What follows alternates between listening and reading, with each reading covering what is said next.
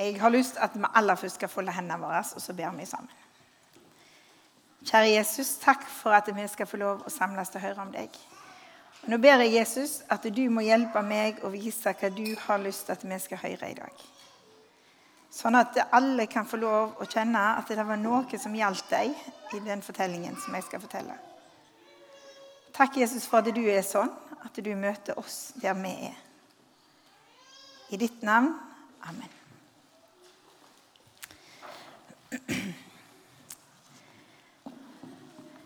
I går jeg, Dere så at jeg skal ha andakt i kveld òg. I min panikk for at det er de samme folka, så har jeg forberedt to andakter. Og i går så var hodet mitt helt Jeg bare tenkte på det jeg skulle snakke om hele dagen. Og i natt så har jeg sovet fryktelig lite, for i natt måtte jeg tenke på alt det som jeg ikke hadde rukket å tenke på i går. Så Derfor har jeg sovet litt lite. Så hvis det her blir litt rotete, sånn, så er det fordi at jeg har tenkt på feil ting i natt. Men tror jeg har fått med meg det meste.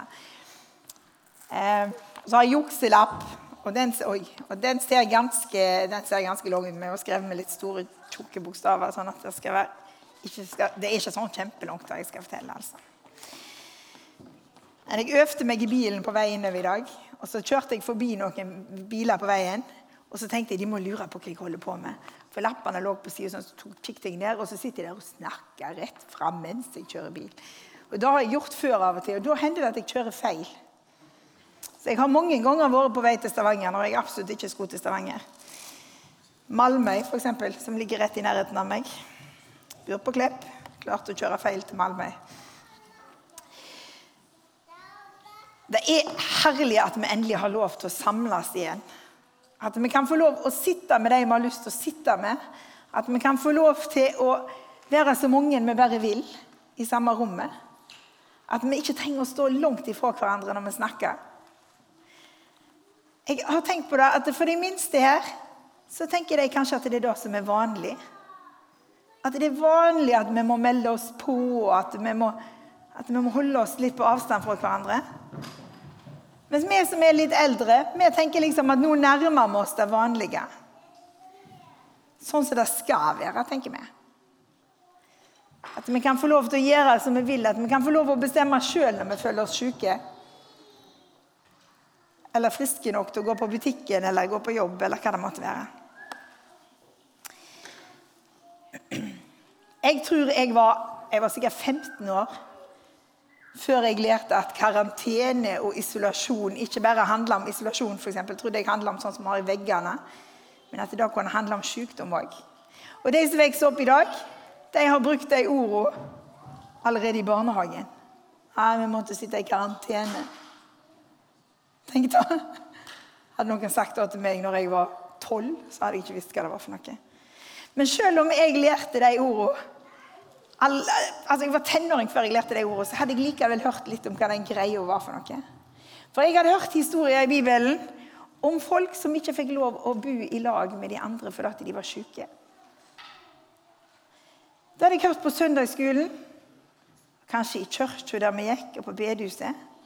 Så hadde de fortalt om noen som var spedalske. Og I dag skal jeg fortelle om en mann som var spedalsk. Spedalskhet da var en sykdom. Han fins fremdeles, men det er nesten ingen som får han. Men sånn som det var den gangen, når Jesus gikk rundt i Israel, så var det sånn at de som ble spedalske, de oppdaga kanskje at de hadde et utslett eller at de fikk akkurat en knute eller en klump i huden, og så kjente de ingenting der. Hvis de brant seg, så kjente de det ikke. Jeg har sånn på halsen min. Jeg hadde ikke kjenne, vet du hva, I sommer så ble jeg beten av en klegg. Og så vokste det ut en sånn stor kul av et kleggbet, og så klødde det ikke. Jeg var ganske heldig med den. Men de kjente ikke hvis de brant seg. Og så kunne de miste disse klumpene som satt igjen med store sår. Og så fantes det ingen medisiner. Og Derfor så måtte de bo for seg sjøl. Det fantes ikke sykehus eller klinikker. Det fantes noen leger. For Lukas, som har skrevet Lukasevangeliet og apostelgjerningene, han var lege. Men det var liksom ikke et system på det, sånn som vi har i Norge i dag. Og Derfor så var det prestenes oppgave å finne ut om folk var syke. Det høres litt rart ut. Men hvis det var sånn at jeg hadde fått sånn, en sånn knute på huden, så måtte jeg gå til presten og så måtte jeg si du, jeg har fått noe her, ser det ut som det kan være spedalskhet?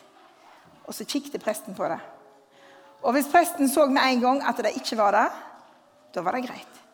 Men hvis presten så på det og tenkte det kan være det, da måtte de i karantene i sju dager. Og så måtte de gå tilbake igjen til presten. Og hvis det da var vekke, så sa presten nå kan du vaske deg, og så kan du bære fram et offer til Gud, og så kan du leve som normalt.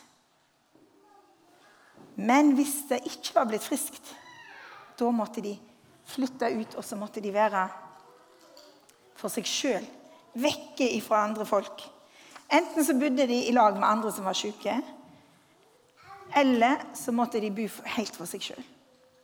For spedalskheter var kjempesmittsomt, trodde de. Det var ikke så smittsomt som de trodde, men det var så smittsomt at hvis du bodde i samme huset som noen som var spedalske, så ville du sannsynligvis bli det sjøl òg, før eller senere.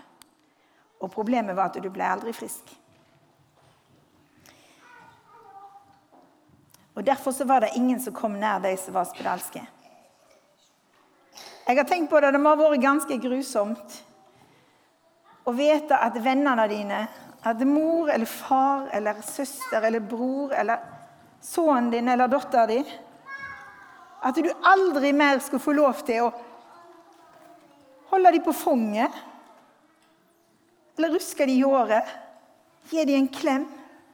Eller bare da sitte på sida av hverandre og snakke helt rolig sammen. Aldri mer. Men det var sånn de hadde det. Og kanskje så prøvde de syke å leve litt normalt i lag med hverandre. Det står det ingenting om. Og kanskje prøvde de som var friske, å bare legge alt bak seg og ikke tenke mer på det som hadde vært. Både Matteus og Lukas og Markus nå hoppet jeg over Markus, Matteus, Markus og Lukas forteller den fortellingen jeg skal fortelle nå. Og Det er kanskje ikke så rart, for jeg tror det gjorde inntrykk på dem. det som de så. Jesus han hadde vært i Galilea, det var helt nord i Israel. Han hadde vært der og talt. Og så var det sånn at Når Jesus talte, da var det mange folk som hørte på han. Av og til kom det flere hundre, av og til kom det flere tusen for å høre på. Jeg vet ikke hvor mange vi er her nå, men det hadde ikke vært plass til tusen mann her inne. Men det kom kjempemasse folk for å høre på han. Og selv om Jesus av og til snakket kjempelenge, så var det akkurat så ikke de fikk nok. Og så begynte de å gå bak Jesus og følge etter han, for de ville høre mer av det som han fortalte. Og Sånn var det denne gangen òg. Folk begynte å gå bakom Jesus. Han hadde vært og talt, og så fulgte de etter. For de ville høre mer av det han hadde å fortelle.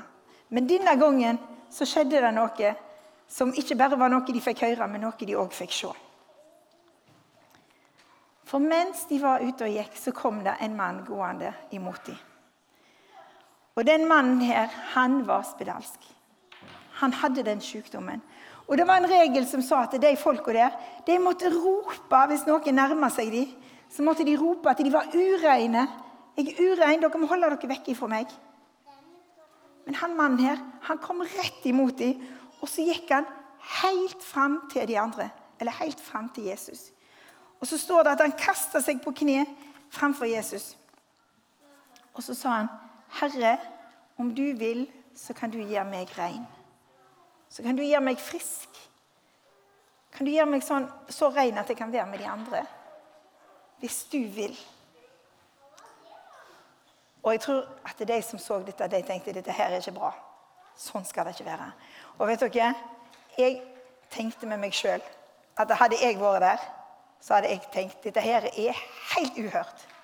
Dette er ikke greit. Han kan ikke bare komme sånn som det der. Han er altfor nærme. Men vet dere, Jesus han syntes ikke han var kommet for nærme. For Det står at Jesus han strakte handa fram, og så tok han på mannen. Og så sa han, 'Jeg vil bli rein'. Og vet du hva det står med utropstegn? Da har jeg lyst til. Bli rein, sa Jesus til han. Jeg ser for meg at de andre som var der, de tenkte at nå skal jeg i hvert fall ikke være i nærheten av Jesus mer. For han har jo tatt i han her spedalske. Hvorfor i all verden måtte Jesus ta på han mens han fremdeles var spedalsk? Hvis han visste at han skulle bli frisk, så kunne han vel ha venta det minuttet til mannen var frisk. Hvorfor tok han på han med en gang? Hva var vitsen? For mannen, han ble frisk. Han hadde hatt sår og klumper i fjeset. Jeg tok ikke med det bildet, men jeg hadde et sånt bilde. Og så ser vi at her er han helt ren. Det er ingen utslett igjen på mannen. Han hadde vært for syk. De som sto der, de hadde sett at han hadde vært syk. Og så så de at han ble ren. Så de lurte jo egentlig ikke på om han hadde vært der. Det eneste de forsto, var at de hadde vært vitne til et under. De hadde sett at noe hadde skjedd som ikke kunne skje. Det som skjedde etterpå, det syns jeg alltid er litt sånn merkelig å forstå. For Det står at Jesus han snakket strengt til ham.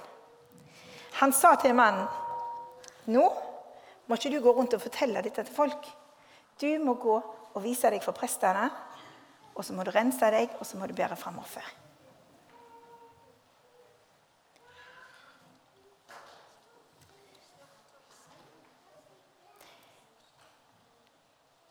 Jeg har lurt sånn på det der. Hele barndommen min jeg hørt denne fortellingen her, så lurte jeg på hvorfor i all verden kunne han ikke gå rundt og fortelle det til folk. Og så tenker jeg, Det første det da, at han fikk beskjed om å gjøre det som var rett. For den rette måten å gjøre det på, det var å gå og si til prestene at jeg er, blitt, jeg er blitt frisk. Kan dere bekrefte det? Det var det som var rett. Men det var én ting til. Og det var det at prestene i Israel de trodde ikke at Jesus var Guds sønn. De trodde at Jesus var en som gikk rundt og lurte folk. En som gikk rundt og sa til folk ting som ikke var sant. Og så tenkte Jesus hvis de får se en mann som har vært spedalsk, men som nå er frisk, så må de tenke seg om en gang til. For det var bare Gud som kunne gjøre frisk fra den sykdommen. Det hadde de sagt sjøl. Og så skulle de få muligheten til å prøve det ut. De skulle få muligheten til å se på mannen sin hud. Sjekke om han faktisk var ren. Og Jesus visste de finner ingenting. For når Jesus gjør noe, så gjør han det skikkelig. Det er ikke halvveis. Mannen var helt fri fra alt som heter spedalskhet. Men vet dere, mannen han gjorde ikke det han hadde fått beskjed om. Han var så glad for at han var blitt frisk, at han sprang rundt og fortalte det til alle han møtte på. Overalt så fortalte han historien sin. At han hadde vært syk, at han hadde gått til Jesus, at Jesus hadde gjort ham frisk. Og så tenkte han sikkert, Jeg tror ikke han egentlig tenkte å være ulydig mot Gud, men jeg tror han tenkte at hvis jeg kunne bli frisk, så kan hvem som helst andre bli frisk. Her må vi bare få folk til å gå til Jesus og bli friske. Jeg tror han tenkte sånn. Jeg veit ikke. Men da ble det kaos i rekkene. Ble det. Det ble et eneste stort rot. For folk de begynte å trenge seg på Jesus. Samme hvor hen han kom, så var det masse folk som trengte seg på Jesus. Og så var de ikke lenger opptatt av å høre hva Jesus hadde å fortelle. De var bare opptatt av å få det som Jesus kunne gi dem. Men de var ikke opptatt av å bli kjent med ham. Og de forsto ikke at han hadde mer å gi dem enn det som de kunne trenge her og nå. De forsto ikke at Jesus var der for å tilby dem evig liv. Pga. det som skjedde, så måtte Jesus holde seg utenfor byene. Han kunne ikke gå inn i byene. Men så står det at likevel så kom folk til ham. Vi vet jo at Jesus hadde ingenting imot at folk kom helt nære. Det hadde han jo bevist. Men han ville at de skulle komme én og én, den de var med sine ting. Ikke som én stor masse som kom buldrende. Men hver og en måtte vite hva den ene, hva den sjøl trong. Likevel så syns jeg kanskje at det fineste i denne fortellingen det er da at Jesus tok imot mannen. Sjøl om han ikke var i orden. Han tok imot han før han var fiksa.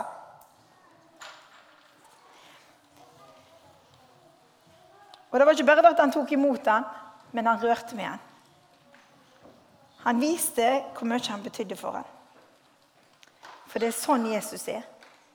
Det er sånn Gud er. Han venter ikke på at vi skal være perfekte for at vi skal komme til ham. Han vil at vi skal komme til ham akkurat sånn som vi er. Og så skal han ordne resten. I Romerne 5,8 så står det Men Gud viser sin kjærlighet til oss ved at Kristus døde for oss mens vi ennå var syndere. Mens vi fremdeles var syndere. Så må vi ikke være så redde for å være med de som ikke føler at det har ting helt på stell. For Jesus har ikke gitt opp. Jesus går nær til de som trenger ham, Når de trenger ham, ikke når de ikke trenger ham lenger. Skal vi folde hendene våre, og så ber vi. Kjære Jesus, takk for at du er sånn. Takk for at ikke du krever at vi skal være fullkomne for å komme til deg. Men at du dør for oss mens vi fremdeles var syndere. Takk for at du var villig til det. Takk for at du var villig til å ta sjansen på at vi ville komme til deg, og at du ordna opp. Og Jesus, nå ber jeg at vi må ta imot deg hver eneste dag. Selv om vi ikke strekker til. I ditt navn. Amen.